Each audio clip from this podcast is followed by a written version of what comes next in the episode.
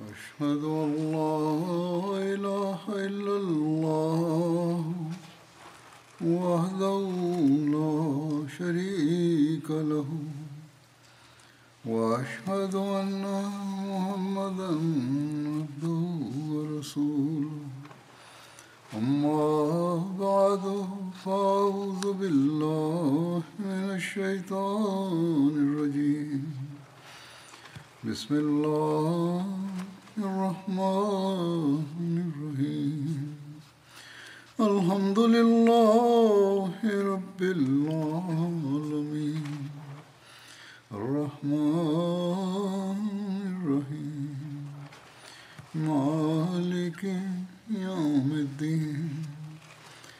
إياك نعبد وإياك نستعين.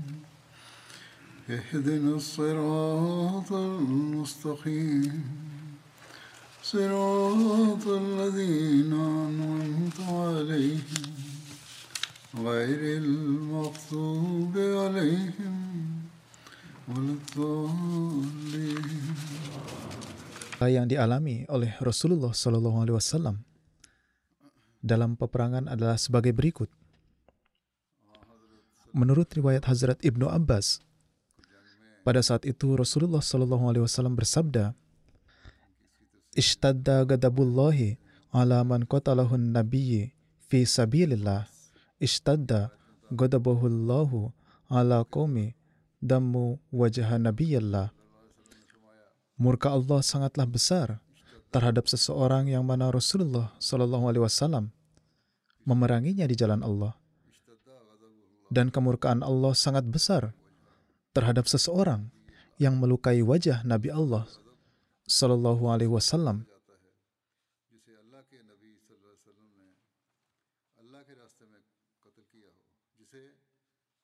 Ada riwayat dari Tabrani bahwa ketika Nabi Shallallahu Alaihi Wasallam terluka, beliau bersabda, "Ishtadda gadabullahi ala komin kalamu wajah Rasulullah." Kemurkaan Allah sangat besar atas bangsa yang melukai wajah beberkat Rasul Allah Shallallahu Alaihi Wasallam. Kemudian setelah beberapa waktu, beliau bersabda, Allahumma gfir li qaumi fa innahum la. Wahai Allah, ampunilah umatku karena mereka tidak mengetahui. Riwayat ini juga ditemukan dalam Sahihain, yang mana terus diulangi oleh Nabi Shallallahu Alaihi Wasallam. Allahumma gfir li qaumi fa innahum la ya'lamun. Wahai Allah, ampunilah umatku karena mereka tidak mengetahui. Oleh karena itu, sifat belas kasih beliau yang seluruhnya dilukiskan dalam warna ketuhanan Allah Ta'ala masih mampu bertahan meski dalam kondisi terluka dan berdarah. Meskipun dalam keadaan demikian, beliau berdoa, murka Allah turun ketika orang-orang menzalimi Rasulnya dan kekasihnya Shallallahu Alaihi Wasallam. Tapi wahai Allah, penindasan yang mereka lakukan adalah disebabkan karena kurangnya pengetahuan dan karena ketidaktahuan mereka. Maka dari itu maafkanlah mereka. Janganlah turunkan azabmu kepada mereka karena kesalahan-kesalahan mereka. Allahumma salli ala Muhammadin wa ala ali Muhammadin.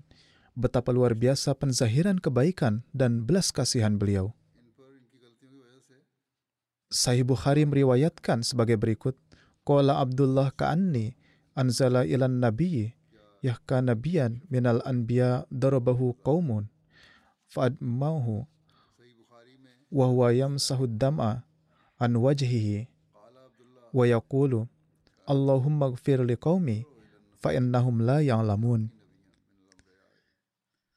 Hazrat Abdullah bin Mas'ud menyatakan seolah-olah saya bahkan sekarang ini tengah melihat Nabi Shallallahu Alaihi Wasallam, yaitu saat beliau sedang menyampaikan tentang keadaan seorang nabi yang bangsanya memukulinya berkali-kali hingga ia berlumuran darah.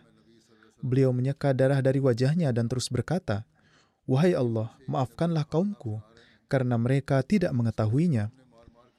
Mengenai hal ini, Hazrat Mirza Bashir Ahmad merinci dalam buku beliau, Sirat Khatamun Nabiyin bahwa setelah mencapai celah gunung, dengan bantuan Hazrat Ali, Rasulullah Shallallahu Alaihi Wasallam membersihkan luka-luka beliau.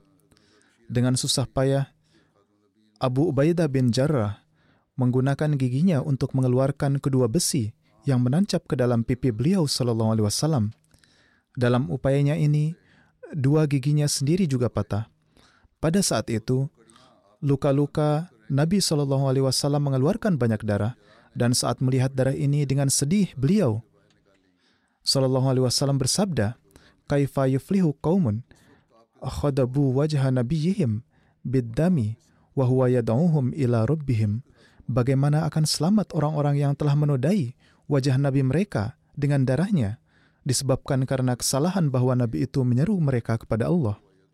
Setelah itu Nabi Shallallahu Alaihi Wasallam terdiam beberapa saat lalu beliau bersabda, Allahumma gfir li qawmi fa innahum la ya'lamun. Wahai Allah, ampunilah umatku, mereka melakukan kesalahan ini karena kebodohan dan ketidaktahuan mereka. Diriwayatkan bahwa pada kesempatan itu diturunkan ayat sebagai berikut. Laisa laka minal amri syai'un. Perkara azab dan ampunan ada di tangan Allah engkau tidak perlu khawatir akan hal ini. Allah akan mengampuni siapa pun yang dia kehendaki dan menghukum siapa pun yang dia kehendaki. Beliau selanjutnya menulis, Hazrat Fatimah Az-Zahra yang keluar dari Madinah setelah mendengar laporan buruk mengenai Nabi Shallallahu Alaihi Wasallam juga sampai di Uhud tidak lama kemudian.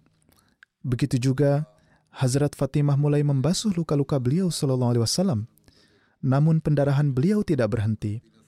Terakhir, Hazrat Fatimah membakar sehelai tikar pelepah kering dan mengoleskan abunya pada luka beliau Sallallahu Alaihi Wasallam.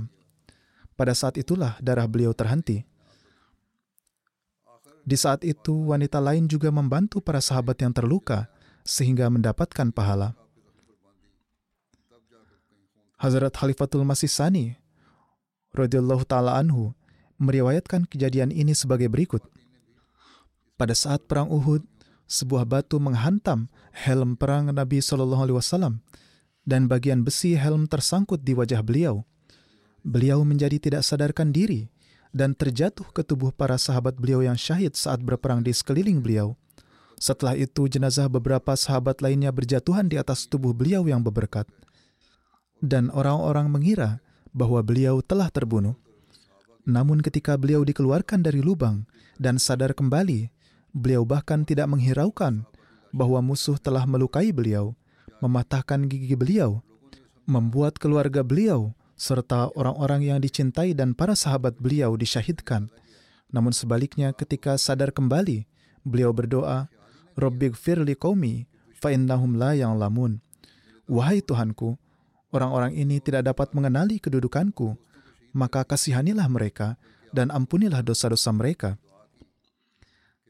Terdapat juga riwayat yang menyebutkan malaikat muncul dan berperang pada perang Uhud. Hazrat Sa'ad bin Waqqas meriwayatkan, pada hari Uhud, saya melihat dua orang laki-laki di sebelah kanan dan kiri Nabi Shallallahu Alaihi Wasallam. Mereka mengenakan pakaian putih dan bertarung dengan sengit. Saya belum pernah melihat keduanya sebelum dan sesudah itu.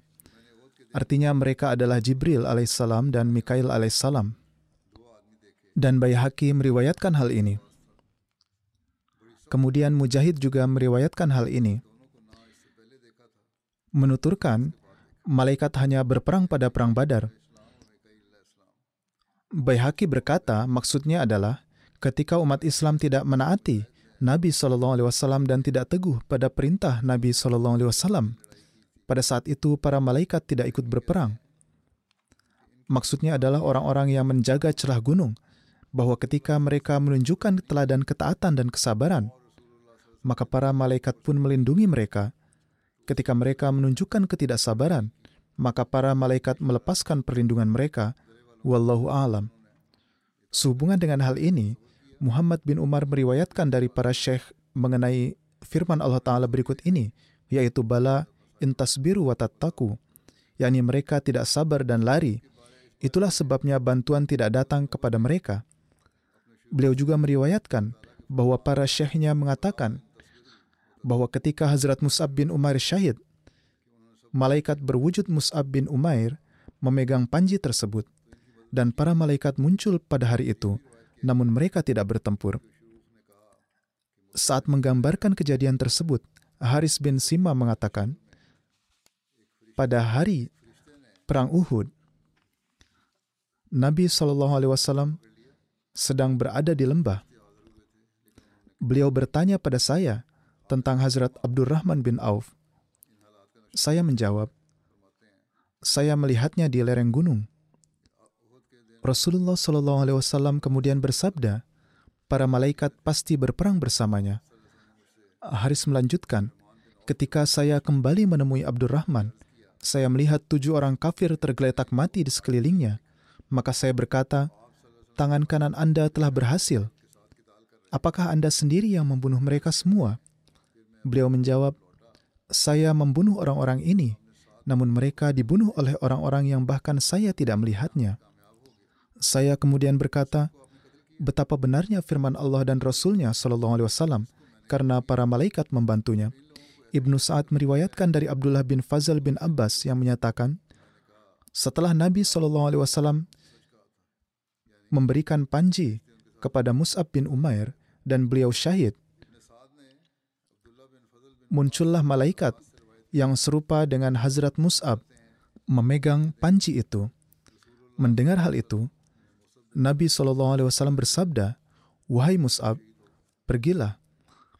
Malaikat kemudian menoleh pada beliau SAW dan berkata, Saya bukan Mus'ab. Nabi SAW kemudian menyadari bahwa ini adalah malaikat dan beliau dibantu oleh para malaikat. Muhammad bin Sabit meriwayatkan, Rasulullah SAW bersabda pada hari perang Uhud, Wahai Mus'ab, pergilah. Abdurrahman bin Auf kemudian berkata, Wahai Rasulullah SAW, bukankah Mus'ab telah syahid? Rasulullah SAW bersabda, Benar, namun seorang malaikat telah diangkat menggantikan ia dan diberi namanya. Allamah Ibnu Asakir meriwayatkan dari Sa'ad bin Abi Waqqas radhiyallahu an yang menyatakan pada hari perang Uhud saya menyaksikan ketika saya menembakkan anak panah seorang pria rupawan berpakaian putih mengembalikan lagi anak panah itu kepada saya saya tidak mengenalinya dan akhirnya saya percaya bahwa dia adalah malaikat Umair bin Ishaq meriwayatkan pada hari perang Uhud orang-orang telah tercerai berai dari Rasulullah SAW dan ketika saat berada di samping beliau, menembakkan anak panah, seorang pemuda mengambilkan anak panah tersebut dan memberikannya lagi padanya. Setiap kali ia menembakkan anak panah, anak muda itu mengambilnya kembali. Ia berkata, "Wahai Abu Ishak, biarkan anak panahmu terbang." Ketika pertempuran telah berakhir, ia tidak dapat menemukan pemuda itu di mana pun, dan tidak seorang pun mengetahui siapa dia. Allama Bayhaqi telah meriwayatkan dari Urwah yang menyatakan sesuai dengan janji Allah Ta'ala, walakod sodakokumullahu wa'adah. Dan sesungguhnya Allah telah menepati janjinya kepadamu, bahwa sebagai hasil dari kesabaran dan kesalehan mereka, dia akan membantu mereka dengan lima ribu malaikat. Tuhan memang memenuhi janji ini, namun ketika mereka gagal dalam mematuhi perintah Rasulullah SAW, ketika mereka mengosongkan pos dan para pemanah yang karena keinginan mereka akan duniawi tidak mengindahkan perintah Rasulullah SAW untuk tidak meninggalkan pos mereka, maka pertolongan para malaikat pun ditarik dan Allah Ta'ala menurunkan ayat Walakad sadakokumullahu wa'adah iztahussunahum biiznih dan sesungguhnya Allah telah menepati janjinya kepadamu ketika kamu membunuh dan membinasakan mereka dengan izinnya. Saat itulah Allah Ta'ala menggenapi janjinya dengan menunjukkan kemenangan kepada mereka. Tetapi ketika mereka tidak menaati perintah, Tuhan menempatkan mereka dalam cobaan. Dalam salah satu khutbah beliau, Hazrat Khalifatul Masih Rabi meriwayatkan kejadian ini, yakni para sahabat meriwayatkan bahwa pada hari Perang Badar, mereka menyaksikan para malaikat mengenakan selendang hitam dan berseragam saat para sahabat menyaksikan para malaikat dalam keadaan berbeda, mereka terlihat mengenakan sorban berwarna hitam. Ketika riwayatnya disusun, mereka pun tercengang. Namun seperti yang dijelaskan oleh Rasulullah Shallallahu Alaihi Wasallam, yaitu musawwimin, yang artinya menyerang dengan keras, maka hal itu pun telah terjadi. Demikian pula para malaikat yang nampak pada perang Uhud mengenakan sorban berwarna merah sebagai tandanya. Warna merah menyampaikan pesan duka, namun sepanjang hidup mereka, para sahabat belum pernah mengalami kesedihan sebanyak yang mereka alami pada perang Uhud akibat luka yang diderita Nabi Shallallahu Alaihi Wasallam. Mereka menerima kabar duka satu demi satu, dan mereka tenggelam dalam kesedihan. Oleh karena itu, untuk tanda para malaikat pada pertempuran ini, warna yang dipilih yaitu merah menggambarkan sisi kesedihan dan penderitaan.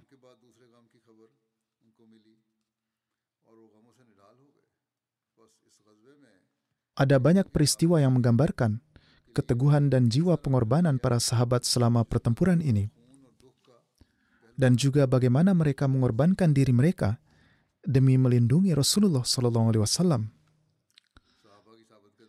Mengenai Hazrat Anas bin Nadar Ansari, ada riwayat di mana Hazrat Anas menyatakan, paman saya Hazrat Anas bin Nadar Ansari tidak dapat ikut serta dalam perang Badar.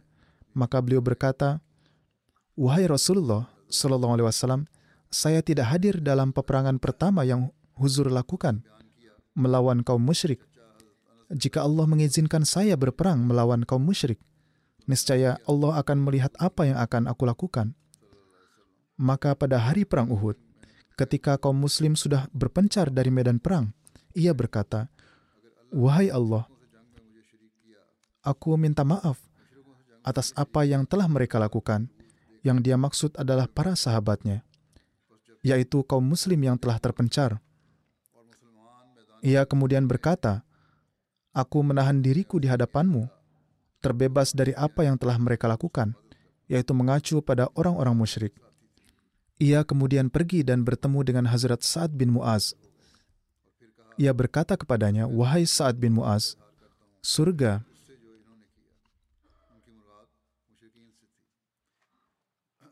Rasulullah SAW bersabda, Demi Tuhan Nazar, aku mencium aroma manisnya dari Uhud.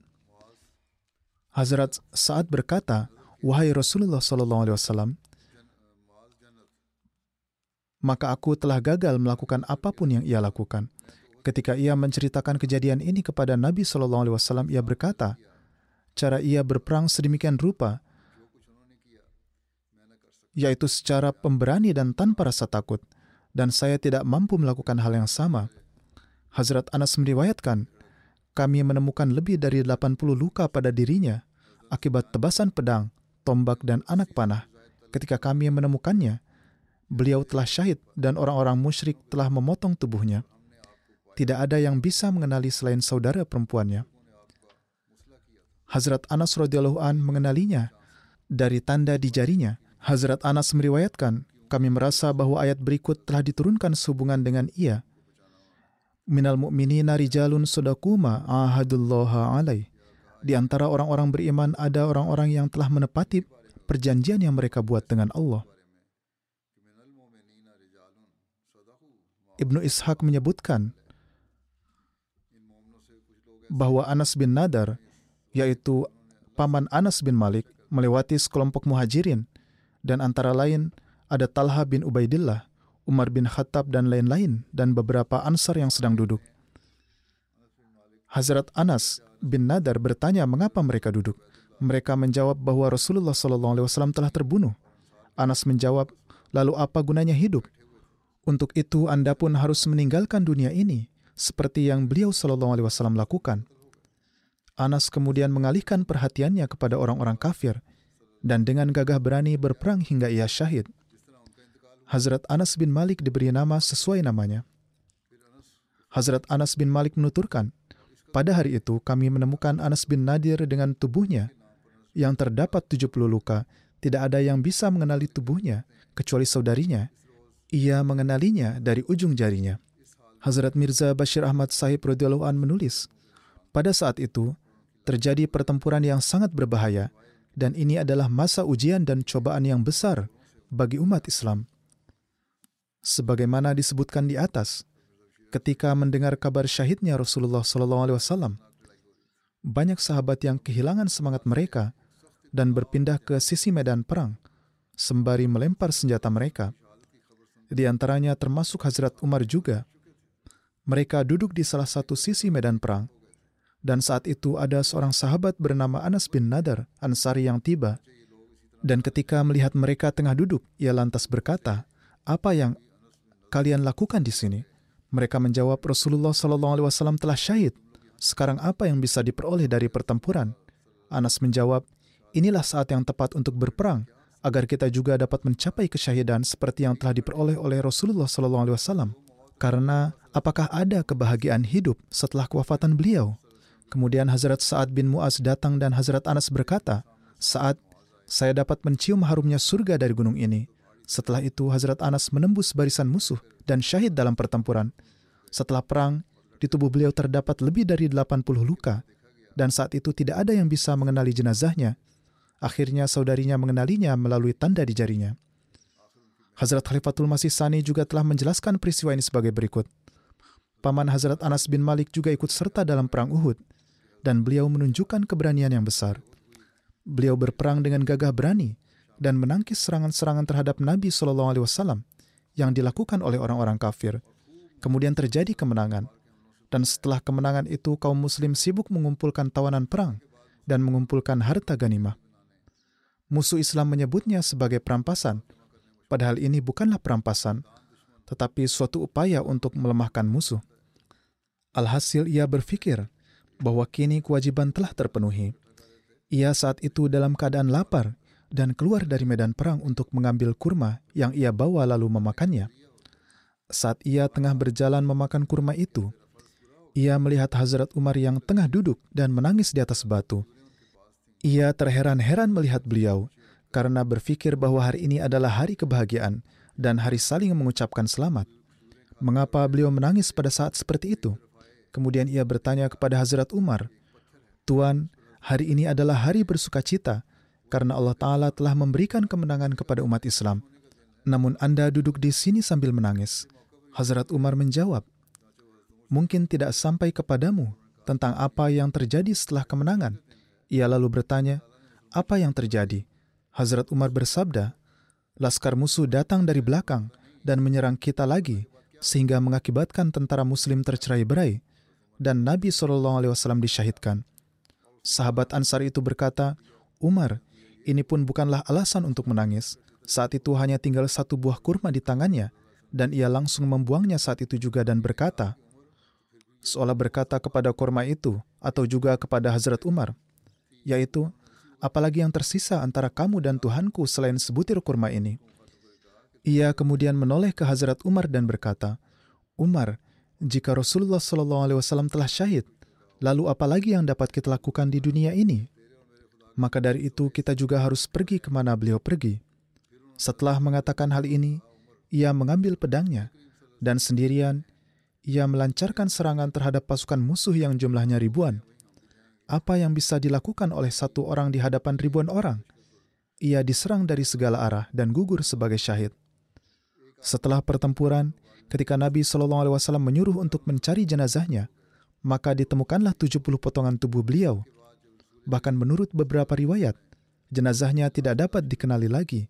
Akhirnya saudarinya atau kerabat lainnya mengenalinya dari tanda di jarinya. Kemudian di salah satu tempat lain Hazrat Muslim Maud bersabda tentang peristiwa ini di perang Uhud, ketika kabar angin menyebar bahwa Rasulullah SAW telah syahid, ia yakni paman Hazrat Anas melihat Hazrat Umar duduk di gundukan kecil sambil menangis. Ia bertanya kepada beliau, Umar ada apa? Mengapa Anda menangis ketika kaum muslim telah diberi kemenangan? Hazrat Umar menjawab, Anda belum mendengar Rasulullah SAW telah syahid. Ketika paman Hazrat Anas mendengar hal ini, ia sedang makan kurma pada saat itu dan hanya tinggal mempunyai satu kurma di tangannya. Lalu ia membuangnya sambil berkata, Apakah ada lagi selain ini penghalang antara aku dan Tuhanku? Kemudian karena rasa kecintaan kepada Rasulullah, ia berkata kepada Hazrat Umar dengan nada meremehkan, Umar, jika Rasulullah SAW telah pergi ke akhirat, lalu mengapa Anda duduk menangis di sini? kita akan mengikuti beliau ke mana pun beliau pergi. Lalu ia pergi sendirian dan menyerang 3.000 tentara. Orang-orang kafir mungkin menganggapnya gila. Ia berjuang dengan gagah berani sampai ia syahid.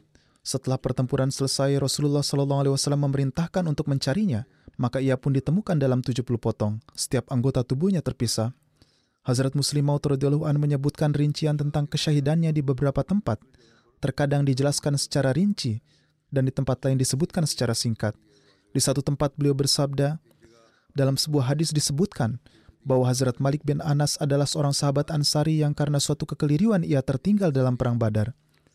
Ketika ia mendengar kisah keberanian di perang Badar dari para sahabat yang ikut serta, ia menjadi sangat bergejolak lalu berdiri dan mulai berjalan ke sana kemari dan berkata, "Ini belumlah cukup. Saya akan sebutkan bagaimana pengorbanan kaum mukmin saat saya pun ikut serta. Jadi ia ikut serta dalam perang Uhud. Saat itu ketika tiba-tiba musuh menyerang dari belakang, kaum muslim pun kehilangan pijakan mereka. Ia terpukul mundur bergerak ke belakang cukup jauh dari medan perang. Saat itu Rasulullah SAW tertinggal sendirian dan beliau pun terluka karena lemparan batu orang-orang kafir. Cedera ini menyebabkan beliau jatuh tertimpa sahabat lain yang gugur. Beberapa saat kemudian ketika orang-orang tidak melihat keberadaan beliau SAW, maka orang-orang mengira bahwa beliau telah disyahidkan.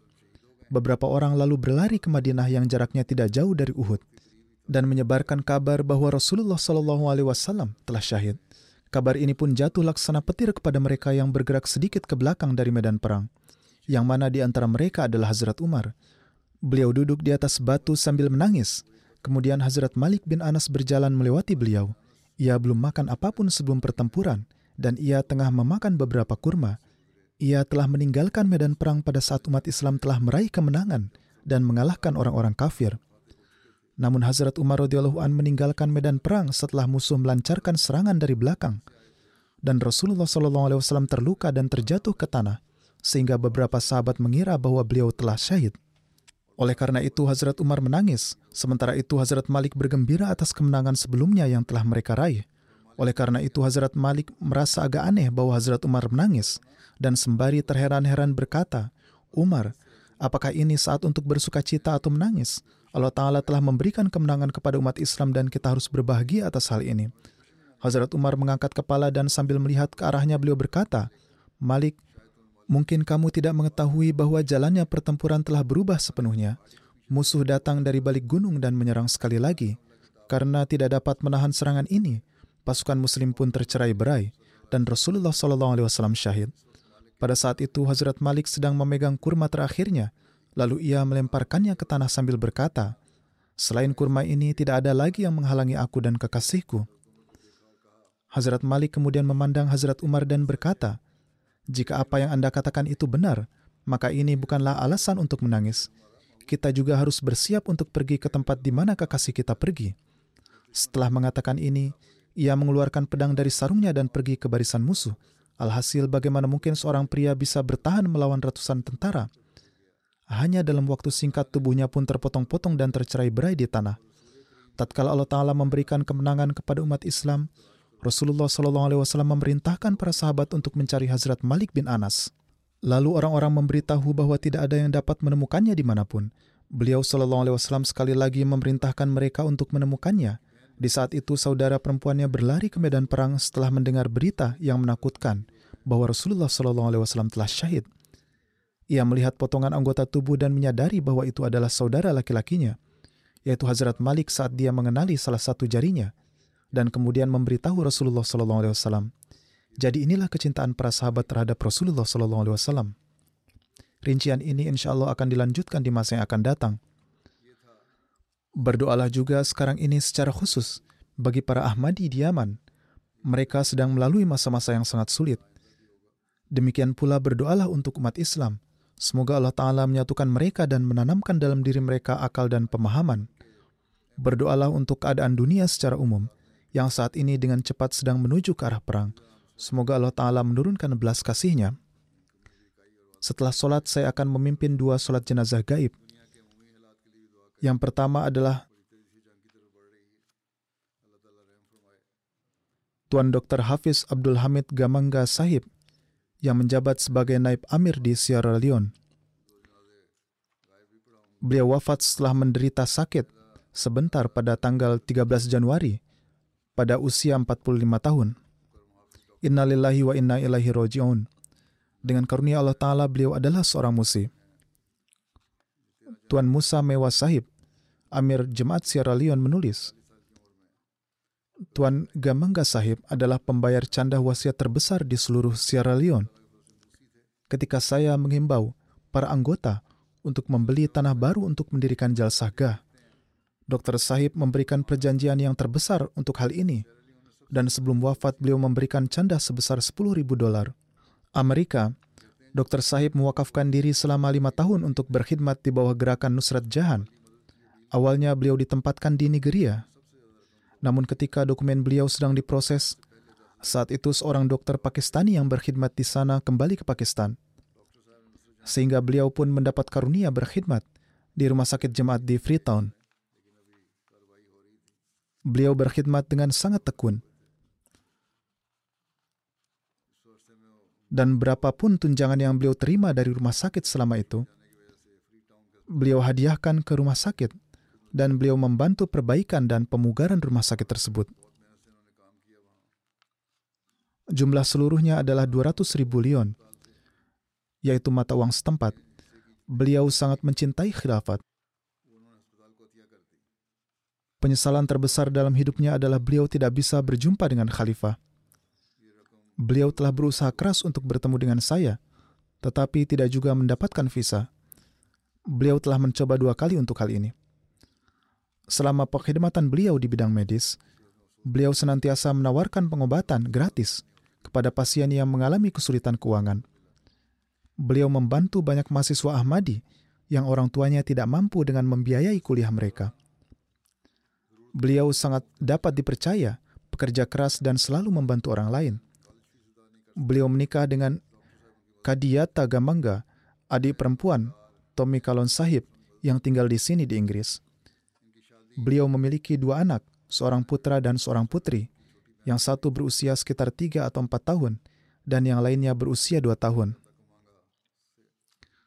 seorang mubalik di sana, Tuan Saidul Hasan Shah menuturkan, beliau memiliki banyak keistimewaan yang saya lihat sendiri. Ketika Musa Mewah Sahib ditunjuk sebagai amir baru, Dr. Gamangga Sahib adalah sosok utama di kepengurusan beliau. Beliau memperoleh gelar spesialis di bidang ginekologi dari Kenya, lalu kembali ke Sierra Leone. Salah satu kelebihannya adalah beliau bekerja tanpa kenal lelah. Beliau bekerja siang malam dan melupakan bahwa istri dan anak-anaknya akan menunggu beliau. Beliau adalah seorang hafiz Quran dan membacakan Al-Quran dengan suara yang sangat indah. Di bulan Ramadan yang lalu pun, beliau memimpin sholat tarawih di pusat jemaat di sana, dan para anggota sangat menikmatinya.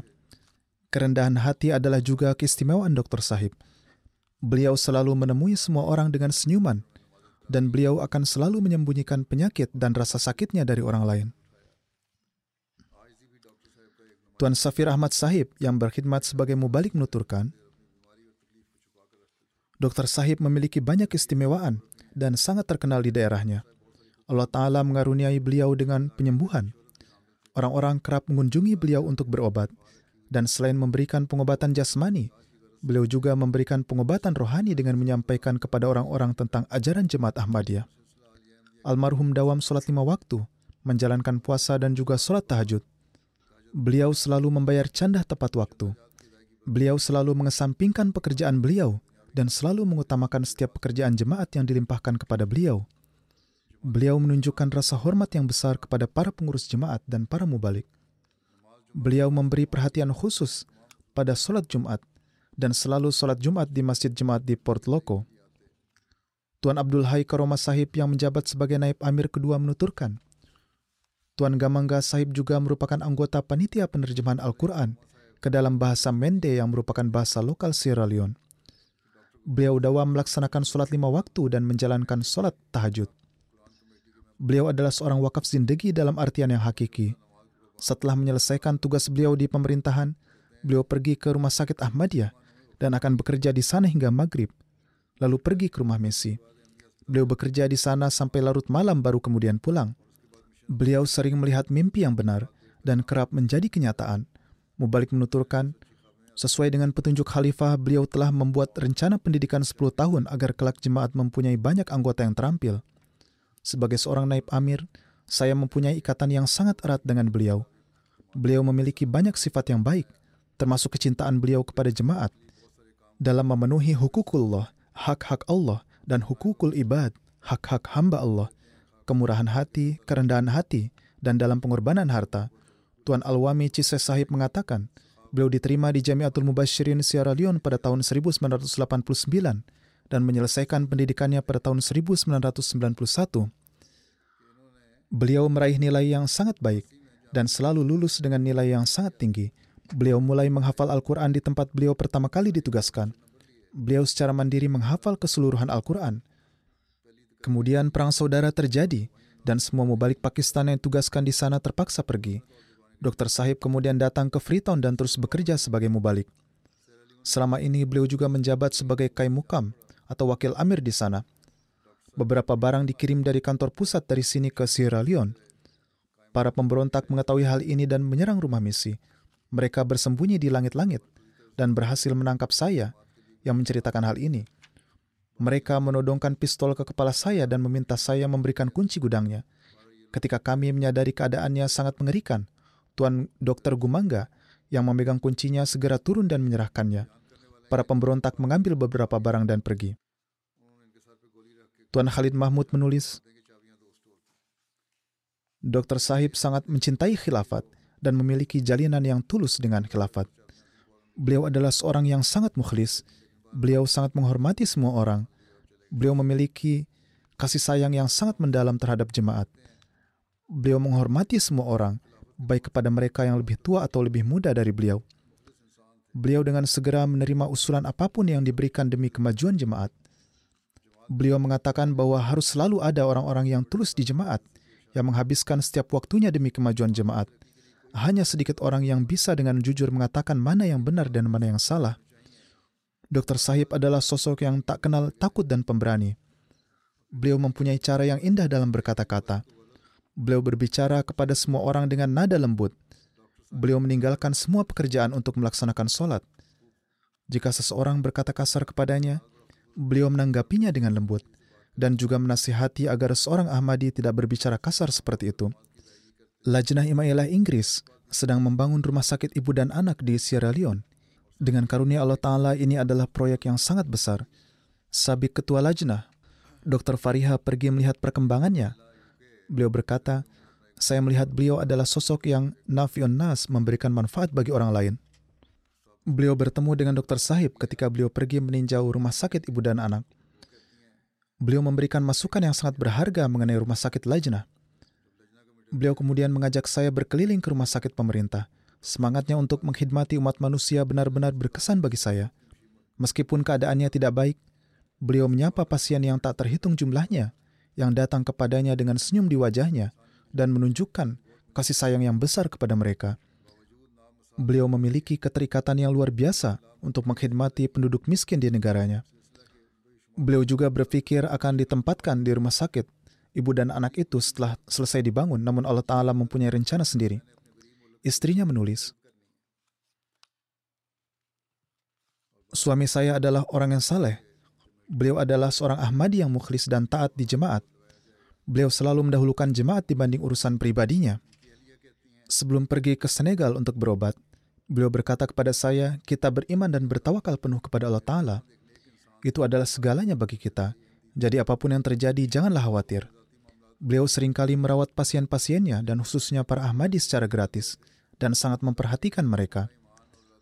Beliau berkata, saya mengetahui banyak sifat suami saya dari orang lain setelah beliau meninggal. Saya memberikan kesaksian bahwa beliau rutin melaksanakan sholat lima waktu dan juga sholat tahajud. Beliau secara rutin menghitung berapa jumlah wasiat yang harus dibayarkan dan memberikan candahnya. Setiap tahun di bulan Ramadan, beliau menghatamkan Al-Quran setidaknya satu kali dan mendorong saya untuk melakukan hal yang sama. Beliau adalah suami dan ayah yang hebat, dan beliau membuat kami sangat bahagia. Semoga Allah Ta'ala memberikan rahmat dan ampunan kepada almarhum, serta meninggikan derajat beliau. Semoga Allah Ta'ala menjadi penolong dan pelindung bagi istri dan anak-anak beliau. Jenazah selanjutnya adalah Nyonya Tahira Nazir Begum, sahibah yang juga dikenal dengan nama Tahira Rashiduddin. Beliau adalah istri dari Tuan Chodri Rashiduddin, seorang mubalik jemaat. Beliau wafat beberapa hari yang lalu. Innalillahi wa inna ilaihi roji'un. Dengan karunia Allah Ta'ala, beliau adalah seorang musiah. Keluarganya masuk Ahmadiyah melalui kakek dari pihak ayah, yaitu Hazrat Chodri Gulam Hussein. Demikian pula dengan kakek dari pihak ibu, Hazrat Chodri Gulam Haidar Dariwal, yang juga merupakan sahabat Hazrat Masih alaihissalam. Seperti yang saya sampaikan, beliau adalah istri dari Tuan Mubalik Chodri Rasiduddin. Pada bulan Desember 1958, pernikahannya diumumkan oleh Maulana Jalaluddin Syams di hadapan Hazrat Muslim Maud an. Lalu Hazrat Muslim Maud an memimpin doa. Beliau menceritakan salah satu mimpinya. Beliau berkata, pada tahun 1980, saya berkesempatan menghadiri majelis syuro sebagai wakil.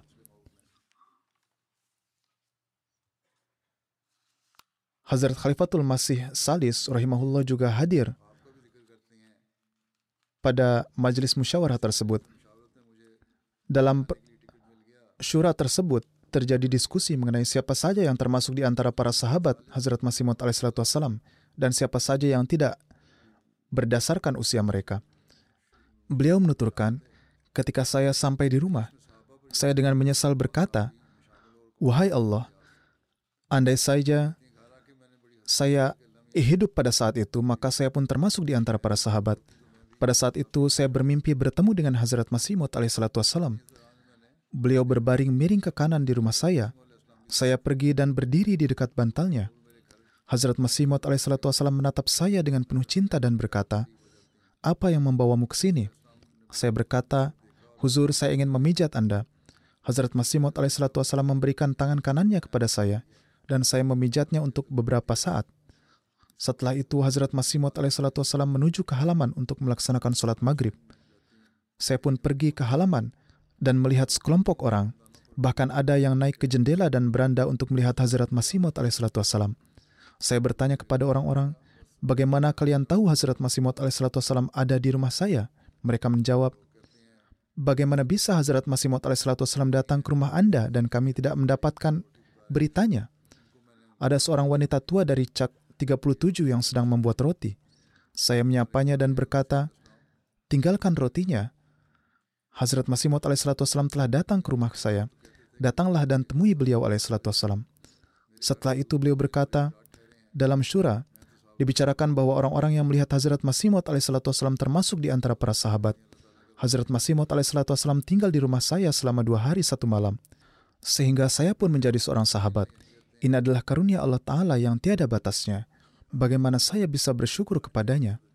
Putranya Dr. Alimuddin tinggal di sini di Inggris Beliau juga pernah menjabat sebagai ketua jemaat di Irlandia dan saat ini tinggal di sini. Beliau menuturkan, Allah Ta'ala memberikan kepada ibu kami begitu banyak istimewaan. Yang paling menonjol di antaranya adalah hubungannya dengan Allah Ta'ala. Kecintaan kepada Allah dan pengabulan doa.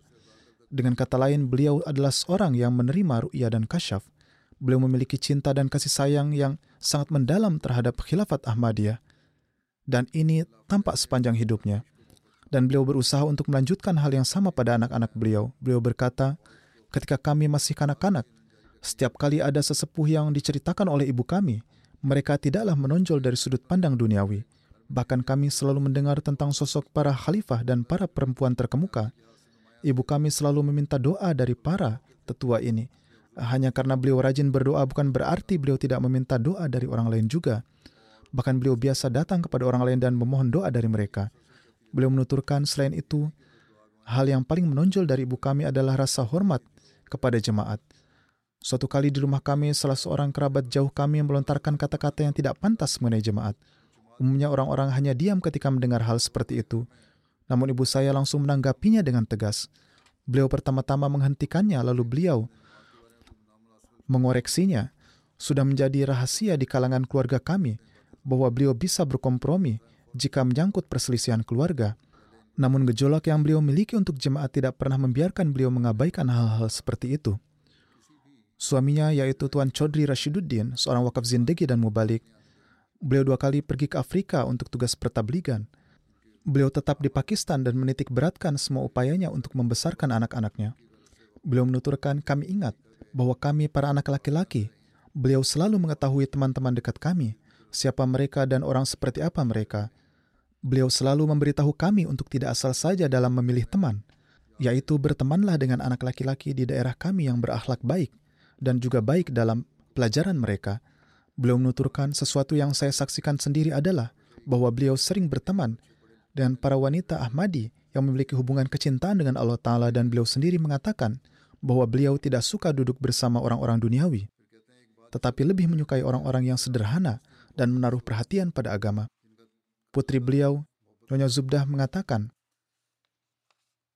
yakni kedua putri beliau, Abda dan Zubdah mengatakan, sejauh yang dapat kami ingat, kami mendapati ibu kami adalah orang yang rajin beribadah, rajin berdoa, mudah bergaul dan baik hati.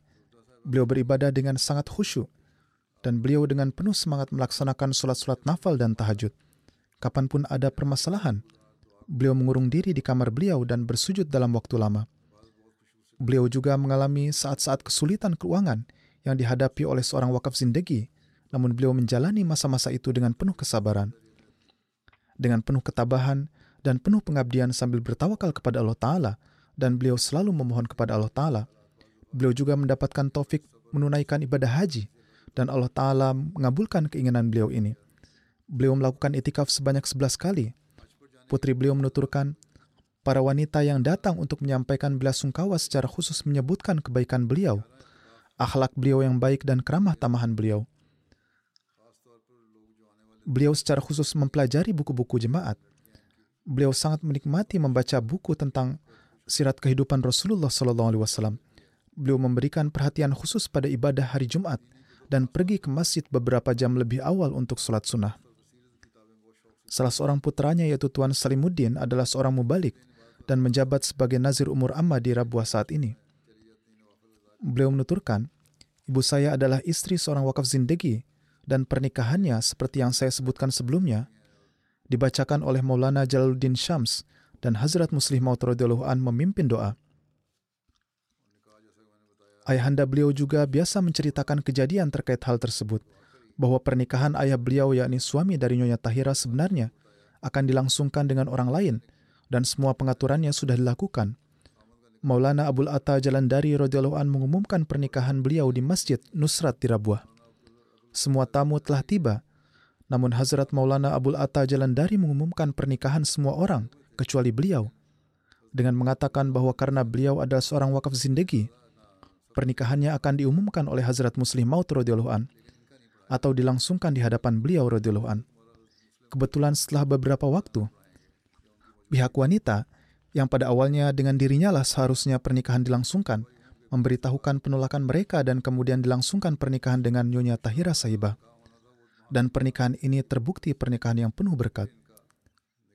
Beliau rutin membayar canda. Sekretaris Mal di Kanada menulis kepadanya, saya melihat dalam mimpi bahwa saya membuka daftar dan menghitung canda. Tatkala itu Nyonya Tahira Rashiduddin datang dan duduk di hadapan saya. Saya katakan kepada beliau, jika beliau memberikan 5.000 dolar untuk tahrik jadid, maka namanya akan dimasukkan dalam daftar 5.000 dolar. Dan dalam mimpi, beliau menyatakan kesiapannya untuk melakukan ini. Beliau saat itu sedang mengunjungi Pakistan, dan ketika beliau kembali, beliau menceritakan mimpinya dan berkata bahwa beliau berharap akan melakukan hal itu. Ketika menceritakan mimpinya, almarhumah segera membayarkan 5.000 dolar. Allah Ta'ala telah menganugerahkan keadaan keuangan yang baik kepada beliau. Semoga Allah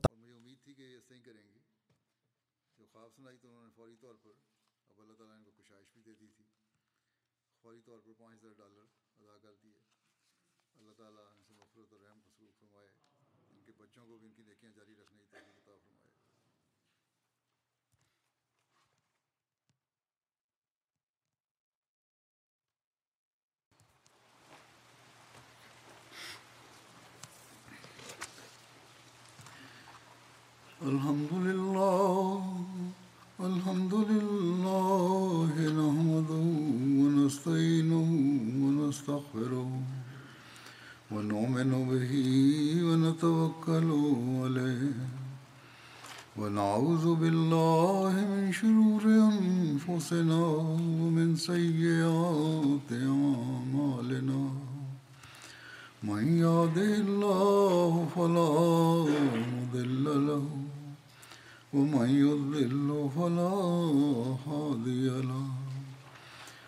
שלנו